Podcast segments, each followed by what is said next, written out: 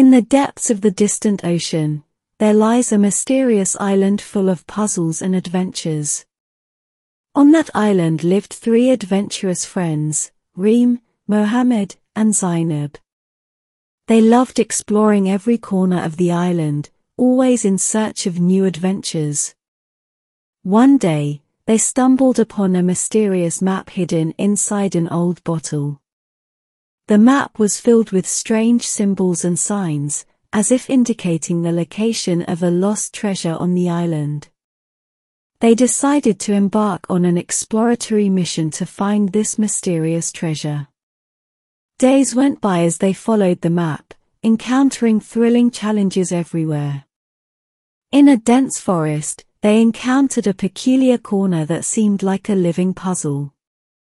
And in open plains, they faced a bridge made of ropes that they had to cross carefully. Each new challenge was an opportunity for them to showcase their bravery and intelligence. It wasn't just the friends who were involved in this adventure, but also the local animals.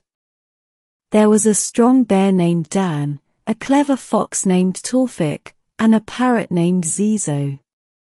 They all joined forces in the quest for the treasure, as these animals knew the island well and possessed unique skills that could be utilized. After numerous adventures and challenges, they found themselves in front of the entrance to a mysterious cave. They decided to enter, and what they discovered was truly astonishing. The cave was filled with treasures, jewels, and ancient artifacts. This treasure was not only a first-class wealth, but also a testament to the brilliance of these friends and the clever animals that assisted them. Upon returning to their village, they decided to share their incredible story with everyone.